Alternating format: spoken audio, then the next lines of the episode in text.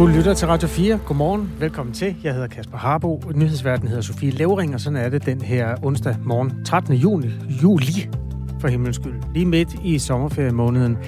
Der er stadig lidt nyheder at øh, vende blikket mod. For eksempel, ja, vi skal jo have armene op over Magnus Kors etappesejr i Tour de France, der udspillede sig i går. Og måske også det ene øje øh, rettet mod, hvad der kan ske i dag, hvor de virkelig skal køre i alber. Vi skal også se nærmere på noget, der risikerer at blive årets ord. Altså magtfuldkommen. Ifølge ordbogen betyder magtfuldkommen en, der besidder og enrådigt udøver absolut magt. Luk øjnene, medmindre du kører bil. Og tænk på en person. Hvem synes du er magtfuldkommen? Der er godt nok mange, der siger, at Mette Frederiksen er det. Men det er hun ikke, siger to embedsmænd, som har skrevet en øh, kronik om netop det felt, altså magtfuldkommenhed og at statsministeren ikke er det, i Dagbladet Politikken. Vi taler med en af dem om lidt. Lidt senere på morgenen skal vi se nærmere på et undervisningstilbud om køn og seksualitet, der splitter i Københavns Kommune. Højrefløjspartierne er bekymrede over en organisation, der tilbyder undervisningskurser i køn og seksualitet. Den hedder Normstormerne og handler om, at man ja, skal nedbryde de normer, vi har lært. Øh, det vender vi os mod om godt en halv time. Vi skal også se nærmere på en uheldig øh, udvikling i Syddanmark, hvor en, øh, ja, en, en mand på 77 år lå livløs og måtte vente over en time på at blive hentet af lægehelikopter. En af problemerne, øh, eller problemerne skyldte simpelthen de mange tilskuere til Tour de France. Ja, du kan skrive til os, hvis der er et eller andet i nyhedsbilledet, du mener, vi øh, har overset, eller hvis du har kommentarer og input til de historier, der er i fuld gang. Nummeret det er 1424. Du skriver fra din mobiltelefon. Godmorgen og velkommen til Radio 4.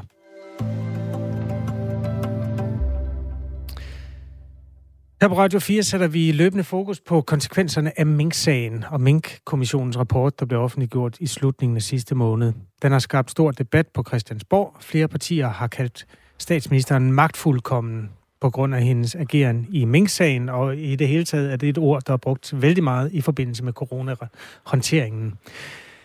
Men det kan man ikke kalde statsministeren, mener Ulrik Nørgaard Rønsbo, der er tidligere embedsmand i Beskæftigelsesministeriet, og i øvrigt arbejder ved Aarhus Universitet i dag. Godmorgen, Ulrik Nørgaard Rønsbo. Godmorgen. Du har sammen med en anden tidligere embedsmand skrevet en kronik i politikken, hvor I blandt andet skriver sådan her. Det er tilsyneladende blevet et faktum, at Mette Frederiksen er magtfuldkommen. Først blev det sagt lidt i krogene, nu bruges det i flæng til at beskrive den nuværende regering, både af politiske kommentatorer og blandt almindelige mennesker. Hvad mener I med det? Jamen, vi mener det, at, eller når vi har skrevet den her kronik, så er det fordi, at vi synes, det er en, en rigtig polariserende anklage at betegne nogen som som øh, magtfuldkommen. Og det vi især er kritiske overfor, er faktisk mediernes ukritiske gengivelse af det her narrativ fra politiske partier. Øhm, i jeres eksempel i nyhedsoversigten lige før var i virkeligheden meget godt. Tænk på et ord, øh, eller magtfuldkommen, tænk på, hvem det kan være.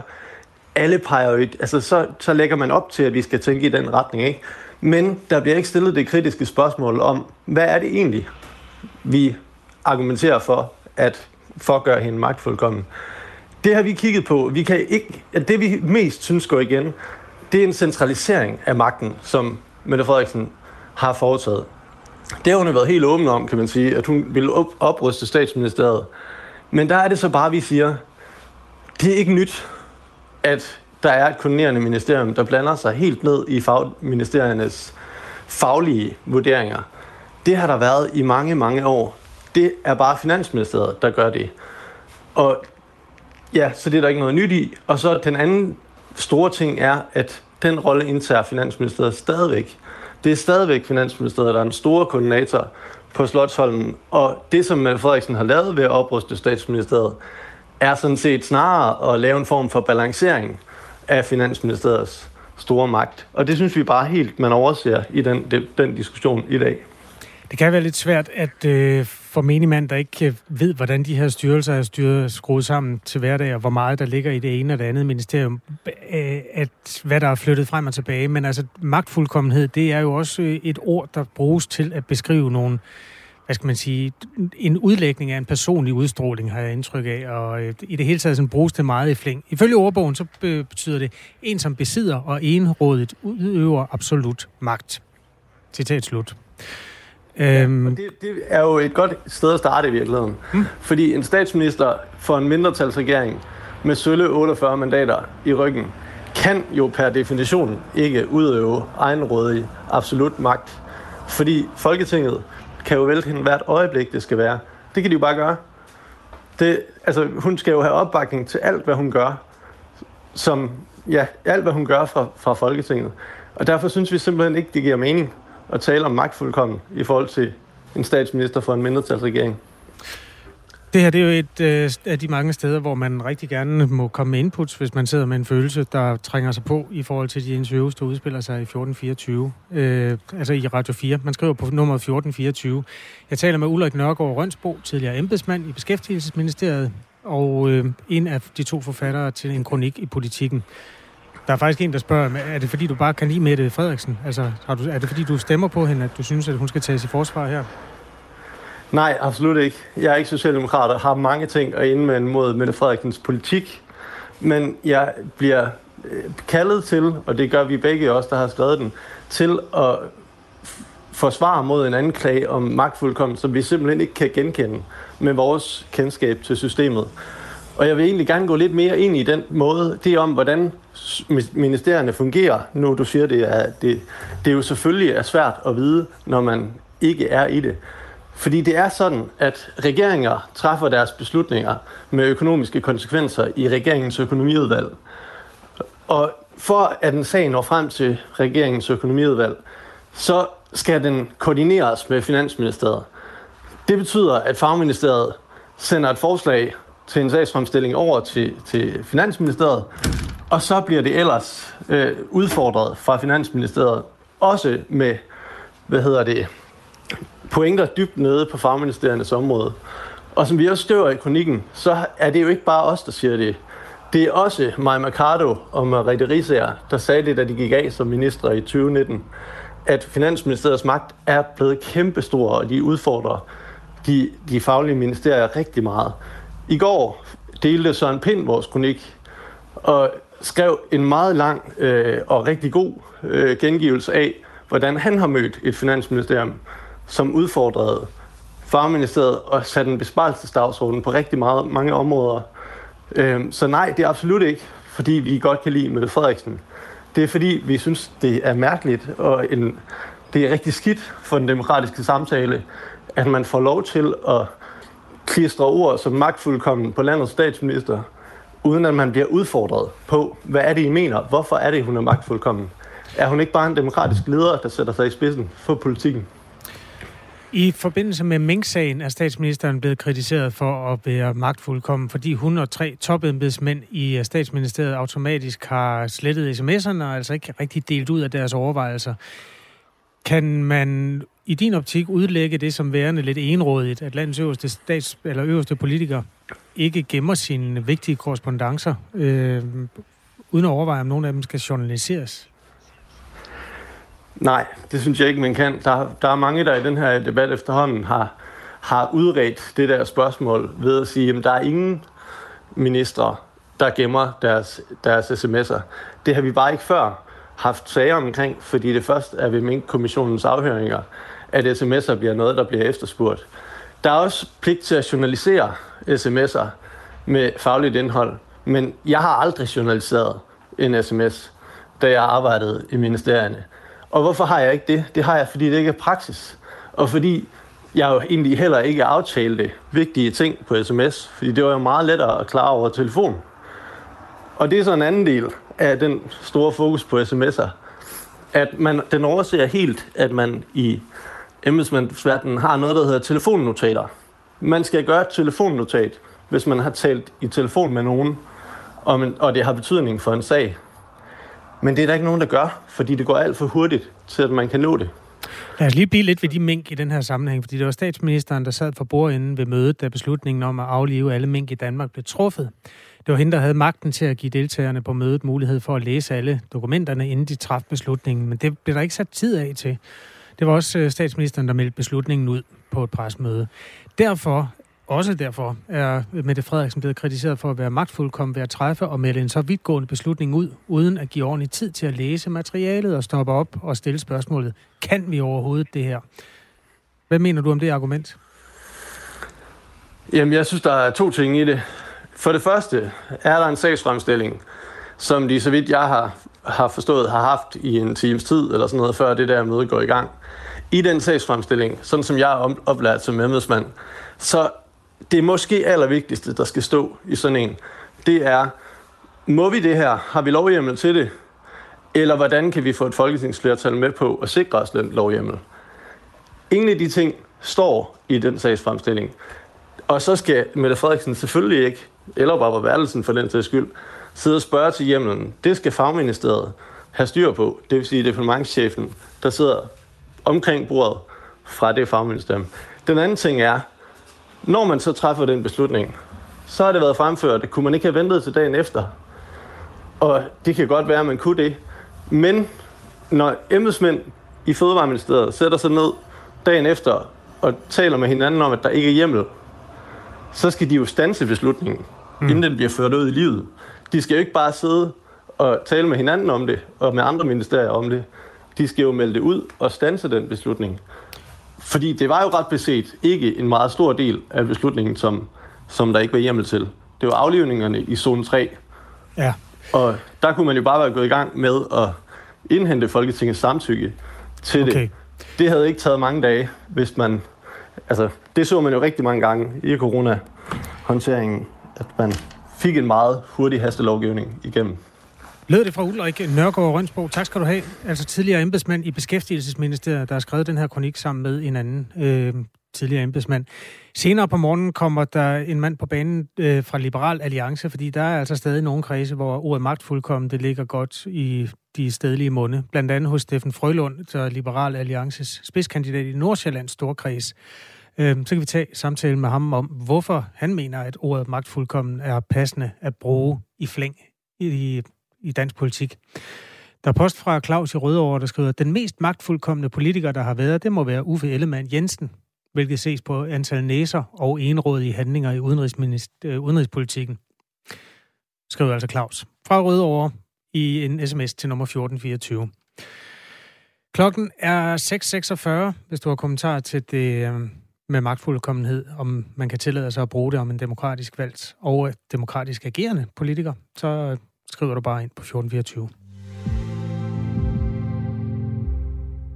Nu skal vi til USA, hvor den højreorienterede gruppe Proud Boys er sat under lup i den amerikanske kongres. Gruppen beskyldes for at være medvirkende til angrebet på kongressen, der fandt sted 6. januar sidste år.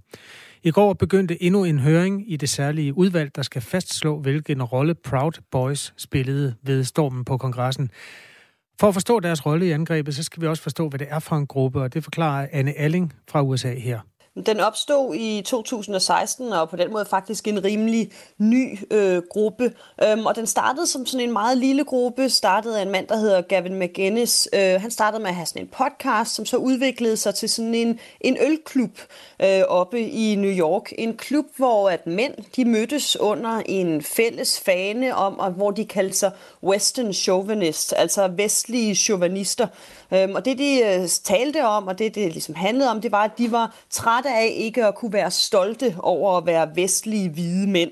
At de var trætte af at blive beskyldt for at være racister, sagde de. Trætte af at være, blive beskyldt for at være mandsjuvenister. De ville ligesom have lov til at være stolte, altså proud boys, øh, af hvem de var. Øh, og de ville sige ja over år, øh, sige, øh, ligesom sige fra over for, for venstrefløjen, meget imod liberalister øh, og imod hele sådan en mere venstreorienteret bølge i USA. Altså så, så stolte mænd, der mødtes og ville have lov til at være stolte for at, at være dem selv, have selvtillid og sige fra over til en mere venstreorienteret bølge i USA.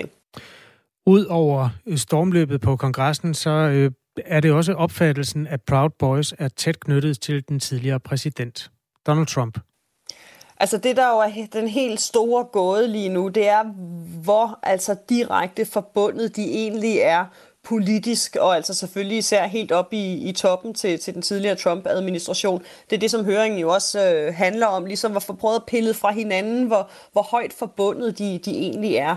Men vi ved, at, øh, at den, den nuværende leder af Proud Boys, han øh, er meget, meget gode venner med blandt andet Roger Stone, øh, øh, hvad hedder det, en af, af Trumps altså helt tætte rådgivere, at de øh, tit hænger ud sammen på på, på, de, på fælles hoteller og sådan, så på den måde så ved vi, at, at han har en, en, en tæt forbindelse til ligesom øh, eliten på den, på den ekstreme højrefløj. Øhm, og så ved vi også, og det er også noget, det, som man regner med, at høringen kommer til at handle om i dag, hvordan at Proud Boys ligesom reagerede på Trumps opfordringer øh, da Trump han stod på, på, på, øh, på scenen til, øh, til en af de sidste præsidentdebatter, som mange sikkert kan huske, og sagde Proud Boys stand down and stand by. Men der så man med det samme, at øh, Proud Boys reagerede, og hvordan at de også i meget høj grad så det som en opfordring til Trump og, øh, fra Trump og en invitation fra Trump. Øh, det samme også med det tweet, som Trump han kom med øh, i, i, des, i december, hvor han ligesom teasede for den 6. januar og sagde, at det ville blive vildt. Så var der også med det samme snak på Proud Boys øh, netværk om, og hvordan nu skulle de, øh, nu skulle de endelig forberede sig. Så man ved, at på den måde, så er der i hvert fald fra Proud Boys side virkelig blevet lyttet meget til, hvad Trump har sagt. I amerikanske myndigheders kategorisering af de her politiske fraktioner, så vurderes det altså, at Proud Boys er en hadgruppe. Men om de udgør en trussel mod det amerikanske samfund, er mere svævende. Det er en anden øh, uvis ting, fordi de, ligesom, de har udviklet sig meget, altså gået fra, ja, som du siger, at være den her lille ølklub i deres øh, sorte Fred Perry øh, polo shirts med, med gule striber, til nu at være sådan en, mange af dem meget mere militslignende, de går mere i sådan taktisk tøj, bærer meget oftere våben, og altså er blevet, har fået meget, meget større indflydelse, det at de havde så stor øh, en, en, en, en position i den 6. januar. Og derfra er de så nu udviklet sig igen siden den 6. januar til, at de involverer sig meget mere lokalpolitisk. De er ligesom trukket sig tilbage for at være sådan på den helt store øh, klinge ved at være tæt på sådan i hvert fald Trumps øh, kompaner, om man kan sige, til at, at blandt andet involvere sig i lokalpolitiske valg. Så det gør, at de altså virkelig har været enormt dynamiske der, og man er i tvivl om, hvilken rolle de helt øh, de sådan lige frem vil komme til at spille. Men der er helt sikkert øh, fra, fra myndighedernes side en nervøsitet for, hvordan er det en gruppe, som jo altså er øh, markeret som en, som en hadgruppe med meget, meget ekstrem, altså ekstreme holdninger, altså nu er gået ind og begynder at, at blande sig i lokalpolitik, og, og allerede altså i, i 2021, øh, at det var muligt for dem øh, at have så direkte Øh, øh, hvad direkte får vi jo så set af, men have en kontakt helt op til, til præsidenten, så de er bestemt nogen, som der bliver holdt meget, meget nøje øje med, og mange af dem er jo også lige nu øh, altså under retssager for, for, hvad de har gjort de seneste par år. Fortalte altså korrespondent Anne Alling fra USA. Inge har lyst til at skrive ind her til morgen på 1424, at øh, det er et udtryk for had til Donald Trump. Jeg tror, hun mener indslaget her skulle være det. Jeg er nødt til at sige til dig, Inge, at øh, det her det handler om en aktuel begivenhed. Det er ikke os, men øh, det er særligt kongresudvalg, der arbejder med det her i USA, fordi man arbejder på at opklare sådan de begivenheder, der førte til angrebet på kongressen 6. januar sidste år. Så det var et stykke aktualitet til dig her i Radio 4 morgen. Tak for sms'en på 1424. Gårdsdagens Tour de France-etappe var helt forrygende. Ikke øh, kun fordi den blev vundet af danske Magnus Kort, men især på grund af måden, det skete på. Han havde lidt svært ved at følge med på det sidste bjerg, men kom tilbage til de førende ryttere, blev sat af igen, og det så ud som om øh, benene var løbet tør under den franske sol. Men så gik de forreste ryttere lidt i stå, og Magnus Kort kom tilbage endnu en gang og øh, fik blandet sig i den afgørende spurt med australske Nick Schultz, som han slog med hvad der vel er et sted mellem 10 og 20 cm. 10. etape af Tour de France 2020, øh, 2022 blev kørt i det østlige Frankrig, og over 1000 km derfra i Rønne på Bornholm sad farmand Anders Kort og så sin søn i fjernsynet.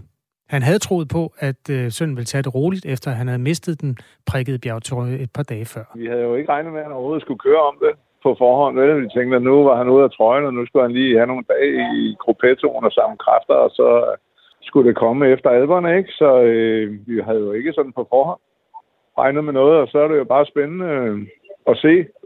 Og det var jo egentlig først til aller, aller sidst der, da han, sådan, øh, da han kørte efter ham Schulz, der vi sådan for alvor tænkte, den er der.